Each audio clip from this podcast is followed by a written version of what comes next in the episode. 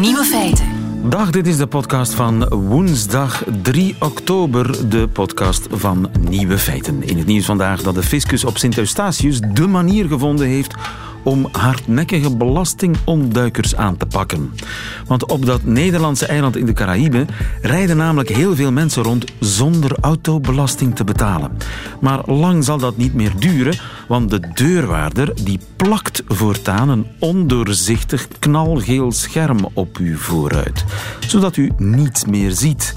En dat ding er zelf afhalen lukt niet, want er zitten industriële zuignappen aan. En gaat u toch rijden, dan wordt er een GPS-alarm naar de fiscus gestuurd. Ideetje misschien voor onze minister van Financiën, Johan van Overtveld. Dit zijn de nieuwe feiten van vandaag. Sinds meneer pastoor Engels praat, zit zijn kerk weer helemaal vol in Amsterdam. De student van de toekomst drinkt geen bier meer, maar thee. Katten jagen niet op ratten. En ook de Nobelprijs Chemie gaat naar een vrouw. Het middagjournaal komt van Nico Dijkshoorn. Veel plezier ermee. Nieuwe feiten. Dacht u dat studenten tegenwoordig nog pintjes staan te hijsen op een vuif? Wel ja, sommigen wel natuurlijk, maar de student van de toekomst, die drinkt thee. Goedemiddag Marise en Sander. Goedemiddag. Samen. Zeer mooi. Studenten in Gent, jullie zijn lid van Moeder Theepot. Dat klopt. Moeder Theepot, is dat een studentenorganisatie die theekrantjes organiseert? Ja, inderdaad. En hoe gaat dat? Eh, eh, Jullie komen samen om samen thee te drinken.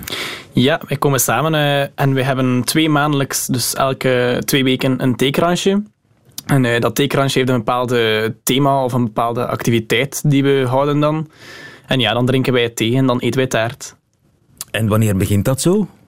S'avonds. Ja, s avonds begint dat om 7 uur en dat eindigt zo ongeveer rond eh, 10 uur. Bedtijd. Ja. Zoiets. Inderdaad. Zij, en hebben jullie ooit geproefd van het klassieke studentenleven?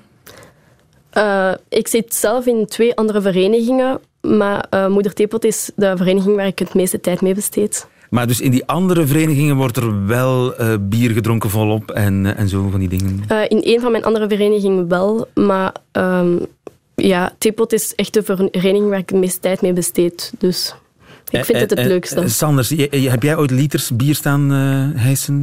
Wel, ik drink geen bier, dus voor mij is dat sowieso al eh, geen, ja, geen vereiste om in een studentenvereniging te zitten, dat er veel bier wordt gedronken. Dus ja. Maar de- dat klassieke studentenleven, dat is niks. Ga, jawel, ehm, ik zit ook zelf in nog twee andere verenigingen. Maar eh, om nu echt te zeggen dat ik eh, liters bier naar binnen kan of liters drank, dat is eh, te veel gezegd. Maar hoeveel thee verzet je zo op een avond? Oeh, eh, het hangt er vanaf van de avonden, want ja, het hangt er ook vanaf een beetje van hoeveel mensen dat komen. Maar er kan wel veel tegedronken worden, denk ik. En is het altijd allemaal dezelfde thee? Eh, nee, dat verandert van theekransje tot theekransje. Ah. We hebben soms appelthee, soms kruidenthee, soms muntthee. Dus één thee per avond. Eh, nee, we hebben altijd een assortiment denk ik, van drie thees dat wij eh allee, voorstellen. Ja, dus eh, lichte thee en zwaardere thee dan. Ja, ongeveer. De, de echte diehards die gaan voor lapsang souchong. We proberen altijd zo'n beetje een mix te doen. Eén zwarte thee, één groene thee, één thee die meer fruit, fruitig is. En kun je daar kant tussen mee doen? Eh, we zijn van plan om dit jaar misschien een kantus op thee te organiseren. Maar dat staat nog niet 100% vast. We moeten nog een beetje zien hoe we dat gaan doen. Ja. Eh, en eh, dopen jullie? Nee, wij zijn een studentenvereniging zonder doop. En dat maakt ons, denk ik, ook meer aantrekkelijk een beetje. Omdat, ja, dat is gemakkelijker om bij ons te komen. Wij zijn meer laagdrempelig. Jullie hebben gewoon echt geen zin in al die excessen met drank en bralpartijen en, en vieze dopen en zo. Jullie houden het eigenlijk heel beschaafd. Ja, Ja. inderdaad. En vinden jullie dat leuker? Op zich wel eigenlijk, want eh, ja, het is ook gezelliger. het is ook gezelliger samen. Het, is, ja, het schept ook wel een band, want je leert veel nieuwe mensen kennen op eh, één avond. En ja, de, met de taart en met de thee erbij is eh, dan, dan nog een extraatje. Ja, en bakken jullie zelf? Nee, jammer genoeg niet. Dat eh, zou iets te veel werk zijn. We hebben vorig jaar wel een soort van potluck georganiseerd waar iedereen iets kon meenemen dat hij zelf gebakken had. Eigen bak meenemen, dat is een mogelijkheid. Dat is een mogelijkheid, maar niemand doet het. Ah, ja. En is het voornamelijk een damesclub? Of, uh... Uh, er zijn ook jongens. Uh... Er zijn ook jongens, maar dat betekent dus eigenlijk vooral meisjes? Nee, ik denk het niet. Ik denk dat onze leden goed verdeeld zijn qua mannelijk en vrouwelijk in onze studentenvereniging. Oh ja, dus 50-50. Ongeveer, ja. Ongeveer. Ik zou 40, 60 zeggen. 40, 60, we zijn voorzichtig. Jullie bestaan vijf jaar en het succes groeit dat. Ja, zeker, zeker. Ja. Heb je daar een verklaring voor? Um, ja, omdat wij nu eigenlijk... Ja, we zijn een warme studentenvereniging. Wij zijn positief. Warme? Ja. Wat bedoel je daarmee? Ja, wij zijn gezellig. We hebben... Um, ja, taart en thee. Wij hebben, uh, ja, we staan open voor iedereen. Uh, iedereen mag naar onze krantjes komen. Wij hebben ook, uh, we zijn ook niet echt verbonden aan um, een vaste school. Dus iedereen van Artevelde Hogeschool Hoogent, uh, Universiteit Gent, die is allemaal welkom. Ja, het blijft ook heet water natuurlijk. Hè? Ja, inderdaad.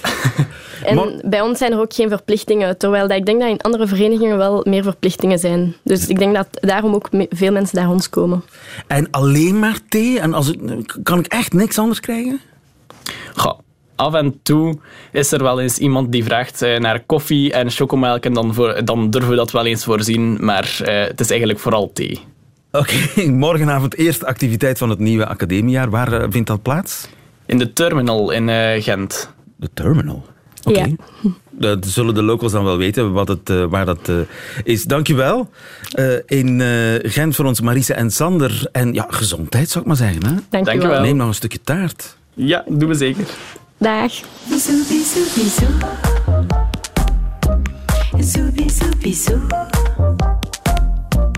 Zou, bisou, bisou, zou, bisou, zou, bisou, le bruit des bisous. Nieuwe feiten. Zouden katten helpen tegen ratten? Die vraag is wetenschappelijk onderzocht in New York, waar ze ratten genoeg hebben. Herwig Leers, goedemiddag. Goedemiddag. Bioloog aan de Universiteit van Antwerpen en rattenspecialist, mag ik toch wel zeggen? Ja, dat klopt, ja. Collega's van u in New York hebben als het ware een wedstrijdje georganiseerd, begrijp ik, tussen ratten en katten. Hoe hebben ze dat aangepakt? Uh, ze hebben in een, uh, een afvalverwerkingsbedrijf zijn ze gaan kijken naar ratten die ze op voorhand hadden gemerkt. En dus konden ze zien waar individuen allemaal rondliepen via een, een antennesysteem. En een aantal katten die daar rondliepen. En dan hebben ze proberen na te gaan hoe die ratten zich gedragen als de katten al dan niet aanwezig zijn. Dus ze hebben ratten eigenlijk uitgerust met een soort GPS-systeem, waardoor iedere keer uh, dat zij zich verplaatsten duidelijk werd waarheen zij gingen. Dat klopt, ja. En er zijn ook heel veel katten in die omgeving. Dus wat is de stand eigenlijk tussen ratten en katten? Ja, de verwachting was, of tenminste wat veel mensen verwachten, is dat die katten uh, dat die nogal veel ratten eten en dat je dus best het uitzetten van katten of het hebben van katten in een stad kan uh, stimuleren om op die manier een rattenbestrijding te doen. Maar het blijkt dat dat helemaal niet zo is. Die ratten die zijn eigenlijk niet zo heel erg eh, geïnteresseerd in het bejagen van die, uh, van die ratten. De katten hebben eigenlijk een beetje schrik van die ratten. Ratten zijn nogal grote dieren, um, kunnen zich verdedigen. En katten gaan eigenlijk liever dan voor iets kleinere prooien, kleine zangvogels of uh, muizen die, wat, die wat kleiner zijn dan ratten. En... en, wat men dus gezien heeft daar is dat de, de ratten niet zo vaak gepakt worden door die, door die katten. Maar ze hebben er toch een paar gepakt, ik hopen? Er zijn er uh, twee gepakt, denk ik. Twee? Uh, en twee uh, in van een groep van 360 ratten was En er zijn er twee gepakt. En er zijn nog één of twee keer dat men gezien heeft dat een kat begon te jagen achter een rat, maar dan stopte zodra die rat te snel weg begon te lopen. Dus al bijna drie maanden tijd hebben al die katten, die konden kiezen uit al die ratten, er maar twee gepakt wat men heeft kunnen observeren. Hè. Misschien hebben ze er nog een paar andere gepakt, maar in elk geval heel, heel weinig. Maar, maar wat men wel die, die ratten zijn toch kleiner dan katten? Katten zijn toch groter meestal, nee? Ja, maar wat, me, wat, we toch wel weten is dat roofdieren altijd proberen om um, zoveel mogelijk energie voor, zoveel weinig, voor zo weinig mogelijk moeite uit hun, uh, uh, uit hun voedsel te halen. En er is genoeg en, ander eten. Er is ander eten dat ze daar kunnen vinden. Ehm, er zijn andere kleinere knaagdieren, er zijn vogeltjes um, die ze gemakkelijker kunnen pakken. En waar ze niet het risico hebben dat ze zelf uh, gekwetst zouden geraken bij het vechten met zo'n rat die zich probeert te verdedigen. Dus, dus die, ratten zijn uh, zelf redelijk uh, sterk en verdedigen zich. Zijn die ratten slimmer dan katten? Zijn ze slimmer? Dat weet ik niet. Maar ze houden wel rekening met de aanwezigheid van katten. Want dat heeft men dan wel gezien in het onderzoek. Dat als er katten aanwezig zijn, als die actief rondlopen, op dat moment gaan de ratten uh, hun gedrag aanpassen. En gaan ze veel minder uh, zichtbaar worden. Gaan ze proberen te fourageren dichter bij, uh, bij hun hol of dichter bij plaatsen waar ze zich snel kunnen verstoppen. Um, ze gaan minder gemakkelijk de open ruimtes oversteken. Dus je gaat ze veel minder gemakkelijk zien. En zo kan het soms lijken dat, dat katten echt een goed middel zijn tegen ratten. Ja, het kan lijken dat er minder ratten zijn, maar eigenlijk zie je ze gewoon minder goed. En men heeft dus gezien dat dat zelfs de dag nadien nog is. Dus die ratten houden er rekening mee dat er daar katten geweest zijn. Maar nadien, als die katten er een paar dagen uh, niet zijn, dan komen die ratten terug overal uh, tevoorschijn en zijn ze terug overal actief. Nu, ik herinner dus... mij, geloof ik, in Rome, het is een paar jaar geleden dat ze, hoeveel was het, een half miljoen katten of zo losgelaten hebben in de stad om de rattenplaag te stoppen. Dat was dus zinloos. Dat is eigenlijk zinloos en heeft een aantal uh, vervelende neveneffecten, want die uh, katten die gaan dan andere dingen beginnen te eten. Dus uh, ratten zijn iedereen altijd te slim af. Is er iets wat wel helpt tegen een rattenplaag? Wel, het beste wat je kan doen tegen een rattenplaag is zorgen dat ze zo weinig mogelijk aan voedsel kunnen geraken. Dus een goede huisvuilophaling.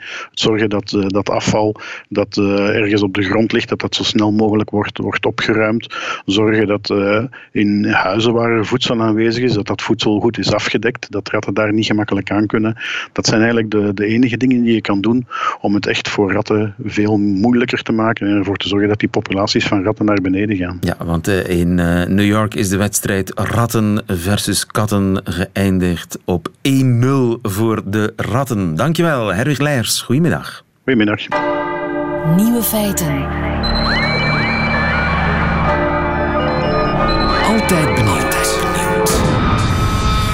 Uitgerekend in Amsterdam, toch het Sodom en Gomorra tegelijk, zitten de katholieke kerken weer bomvol.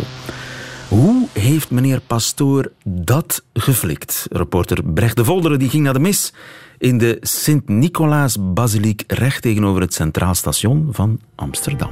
Het eerste wat ik dacht toen ik binnenkwam, meneer Pastoor, dat is wat een mooie kerk. Ja, dat is een fantastisch gebouw. Hè? En in het centrum van de stad, zo het, uh, en wordt uh, druk bezocht in de zin van, zoals u ziet, toeristen. En dinsdags doen we dat in deze mooie kerk in het Engels en vrijdags in het Spaans. Maar dat doe ik dan niet hoor. Uw Spaans is nog niet zo vlot? Nee, helemaal niet. Ik heb geen enkel Spaans. Good afternoon to you all. You are welcome to this celebration of the Holy Eucharist. The grace of our Lord Jesus Christ, the love of God, the fellowship of the Holy Spirit be with you all. Een jaar of vijf geleden zijn ze begonnen in het Engels. Zoals zoveel kerken in Amsterdam nu. Die worden vaak beter bezocht dan de Nederlandstalige diensten. Omdat er zoveel Engels sprekende mensen zijn. En wij weten uit ervaring nu dat de migrantenkerken vaak beter bezocht worden dan de puur Nederlandstalige kerken. Today we celebrate the feast of the guardian angels. It is the feast of God Himself, those angels protecting us, guiding us through life. Are you, uh, do you live in Amsterdam? No, I'm a visitor. You're a tourist? Tourist, yes. Where are you from? I am from southwest England. Okay. There's lots of English people. English is the second language. Why not? I thought it was Latin first. Not anymore in the Roman Catholic Church. Latin is the language of heaven. Greek is the language of hell. and in uh, Amsterdam they speak English. Everybody seems to speak English. Almost same in the Philippines in English. That's why. In the Philippines, there are also English. Uh, There's an English mass there. so you feel like home now. Yeah. Hoe zeg je preek in het Engels? Sermon. Sermon. Sermon or homily. Ja. Is die ook aangepast aan een internationaal publiek? Ja, je probeert eh, aan te passen aan de schriftlezing natuurlijk, die we lezen. En eh, ja, het is een mengelmoes van, eh, mengeling van bezoekers. Dus ja, je houdt hem kort sowieso. Mensen willen een korte dienst, willen even vieren en dan weer zo gauw mogelijk weg. Dus heel kort, een paar woordjes ter overweging. Nou ja, je hoopt dat je een beetje aansluit bij de actualiteit van de dag. En de toeristentrip die ze doen? Nou, die ken ik dus niet. Ik weet niet waar ze vandaan komen. Het is moeilijk om daar bij aan te sluiten. Hè? O God, who in your unfathomable providence are pleased to send your holy angels to guard us. In Spanish? Yes, Argentina. Supplication. Estamos felices de estar en Ámsterdam y damos gracias a Dios, acá al Santísimo que está en el altar. In Argentina, you always go to church every day? I, I go to church, all, not every day, but almost every day and every weekend on Sunday or Saturday. I love Maxima. Y el Okay. Papa Francisco. And, the, pa- and Papa Francisco got more. We love more Papa Francisco. Voelt u zich een beetje gids van Amsterdam ook als u staat te preken? Nee, want ik ken Amsterdam niet zo goed. Ah, u komt hier aan het juist. Ik kom dus eigenlijk uit Afrika. Uit Ghana. En dat ken ik beter dan Amsterdam. Oké. Ja. Ik ga dus voor in, eh, in vele kerken. Want ik ben gepensioneerd. Dus wat wij dus noemen, ik ben emeritus. Maar beschikbaar. Omdat ik nog gezond ben. En ja, ik ben hopelijk ook nog een beetje bij de tijd. Dus eh, bent, dank. u bent in ieder geval van de wereld. Ik ben... eh, weet wel wat er gaande is. ja. Zijn alle collega's even happig om hun eh, dienst in het Engels te doen? Nou, het is hier in Nederland wat moeilijk. De meesten zouden het wel kunnen, maar de routine van... Dat hebben zij minder dan ik natuurlijk, omdat ik die veer- veer- 40 jaar in Ghana heb doorgebracht. En daar hebben we heel veel Engels gebruikt. The body of Christ. Amen. The body of Christ. Are you living in Amsterdam? Yes, I am. Yes. You are not Dutchman. No, I'm not. I'm Hungarian. Hungarian, okay. So you have to be in church every week. Uh, yes, of course. Uh, I try to be here every single week. Yes. City center of Amsterdam is a big mixture of everything, and uh, I like this kind of peaceful, peaceful, small pieces uh, like a church inside. I'm going outside, and then you know everything just coming uh, in front of my face. When I'm in church uh, here in Amsterdam, I always feel myself like I'm at home. You know, because the same feeling, the same. Uh, uh, things I can I can feel it. As in Hungary. Like in Hungary, exactly, exactly. The church, everybody's church, you know. I wish you all a blessed day and let us now go in peace to serve and love the Lord. In Amsterdam zitten de kerken weer vol sinds meneer Pastoor Engels praat. Kijk eens aan. Dankjewel, Brecht de Volderen. Nieuwe feiten. Radio 1.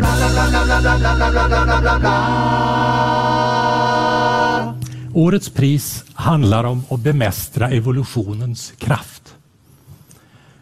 Kungliga Vetenskapsakademin har idag beslutat att utdela 2018 års Nobelpris i kemi med ena hälften till Frances H. Arnold för riktad evolution av enzymer och med andra hälften gemensamt till George P. Smith och Gregory P. Winter för fagdisplay av peptider och antikroppar. Antikropper. Ik heb enzymen begrepen.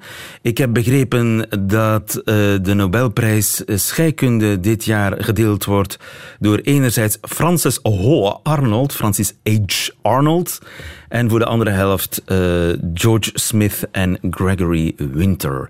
U hoorde de vertegenwoordiger van de Zweedse Academie een half uurtje geleden de prijs uitreiken, de Nobelprijs scheikunde. Goedemiddag Els van Damme. Goedemiddag. U bent eh, professor biochemie in eh, Gent. Bent u een beetje bekend met de Nobelprijswinnaars? Ik ken de persoon niet, uh, niet echt, maar ik ken wel het onderzoeksgebied waarin zij actief zijn. Laten we met Francis Arnold beginnen. Alweer een vrouw, hè? Ja, dat is Gisteren, goed, Dat is goed. Gisteren de Nobelprijs Natuurkunde voor een vrouw. Vandaag de Nobelprijs Chemie, dus uh, scheikunde, dat is uh, fantastisch, uh, goed nieuws. Ze heeft iets met enzymen gedaan. Wat heeft ja. zij gedaan? Kun je dat zonder al te technisch te worden uitleggen? Wel, enzymen zijn eiwitten en deze eiwitten zijn eigenlijk de werkpaardjes in een cel. En we zijn allemaal, alle organismen zijn opgebouwd uit deze cellen en hebben die eiwitten nodig om, om het even wat te doen, om om te bewegen, om te delen, om te functioneren, spelen die eiwitten een heel diverse rol en een heel belangrijke rol. Wat uh, deze mensen hebben kunnen aantonen is dat uh, met een, mits een paar kleine wijzigingen in deze eiwitten aan te brengen, dat je hun activiteit, hun specificiteit, hun stabiliteit heel vaak kan verhogen, vergroten. En dat biedt natuurlijk heel wat uh, toepassingsmogelijkheden. Als we deze activiteiten kunnen beter maken, dan kunnen we deze nieuwe eiwitten ook bijvoorbeeld gaan gebruiken voor industriële toepassingen. Ja, ja, dus zij, en dat is specifiek die Francis Arnold, die heeft ja, zitten sleutelen aan eiwitten, om eiwitten ja, aan te passen, te veranderen, andere dingen te laten doen. En uh, dat uh, kan toegepast worden, bijvoorbeeld waar, waarin? Wel, eiwitten spelen heel diverse rollen. Als wij hun activiteit kunnen stabiliseren, dan kunnen we zorgen dat ze meer actief worden bijvoorbeeld. Kunnen we zorgen dat biolo biologische en industriële processen sneller, beter en meer gericht kunnen gebeuren. Dat kan gaan van medische toepassingen, dat kan ook gaan van uh, elk organisme heeft die eiwitten nodig. Ja. Dus een, als we de, een, een, deze eiwitten inbrengen in andere organismen, kunnen we ze ook de organismen als dusdanig beter doen functioneren. En concreet, wat, in mijn leven kom ik dat tegen, waar zij aan gewerkt heeft. Kan ik de resultaten zelf daarvan uh, meemaken, zien? U kan, er, u kan daar zeker uh, de gevolgen van zien. Ja, uh, stel u, dat we een, een eiwit tienmaal actiever maken, tienmaal meer specifiek maken, dan kunnen wij meer product genereren. Heel veel van die eiwitten komen op de markt, uh, worden gebruikt in industriële toepassingen, uh, bijvoorbeeld in de verwerking van biofuels heb ik gehoord dat zij ook heel erg actief is geweest. Ja, ja, ja. dus uh, biodiesel ja. is een onrechtstreeks gevolg van dat werk. Inderdaad. Dus, dus om, om chemie, uh, om scheikunde meer biovriendelijk te maken. Heb ik dat zo ongeveer begrepen? Schonere brandstoffen, schonere geneesmiddelen? Ja, prima.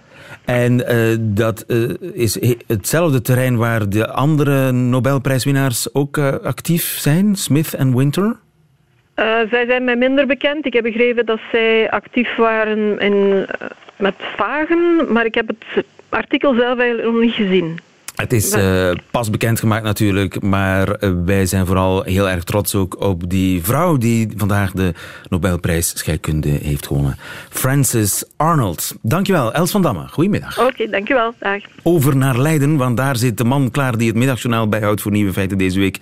En dat is Nico Dijkshoorn. Nieuwe Feiten. Middagjournaal. Beste luisteraars. Er is een nieuwe CD uitgekomen van Prince.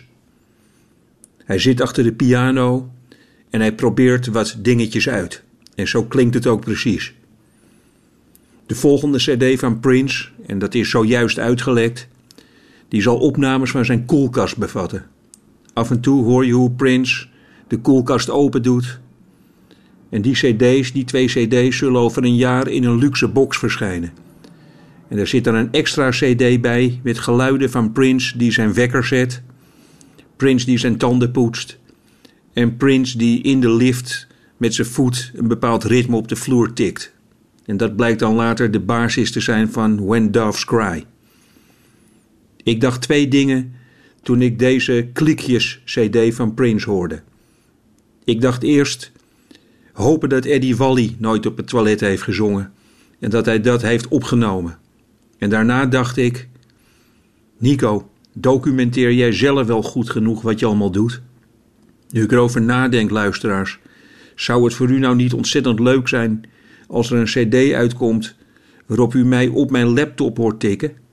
En dat ik af en toe iets roep, bijvoorbeeld: Ja, ah, schitterend Nico, wat ben je weer lekker bezig, jongen. Ik denk er ook over om speciaal voor de luisteraars van dit programma alle gesproken columns uit te geven die zijn geweigerd door dit programma. Het gaat om een middagjournaal over masturbatie op de werkvloer, een middagjournaal over mijn favoriete mayonaise en een geweigerd middagjournaal over bepaalde straten en dat je daar dan doorheen loopt en dat je dan aan bepaalde dingen denkt. Ik wil daar ook een theatertour mee gaan doen. Ik op het podium en dat de mensen dan naar mij kunnen kijken terwijl ik mijn middagjournaal verzin. Maar ik ga eerst wachten op de nieuwe CD van Prince. En daarop is te horen hoe hij zijn verstopte afvoer in de keuken repareert door er een fles shampoo in te gieten. Dat is later Purple Rain geworden.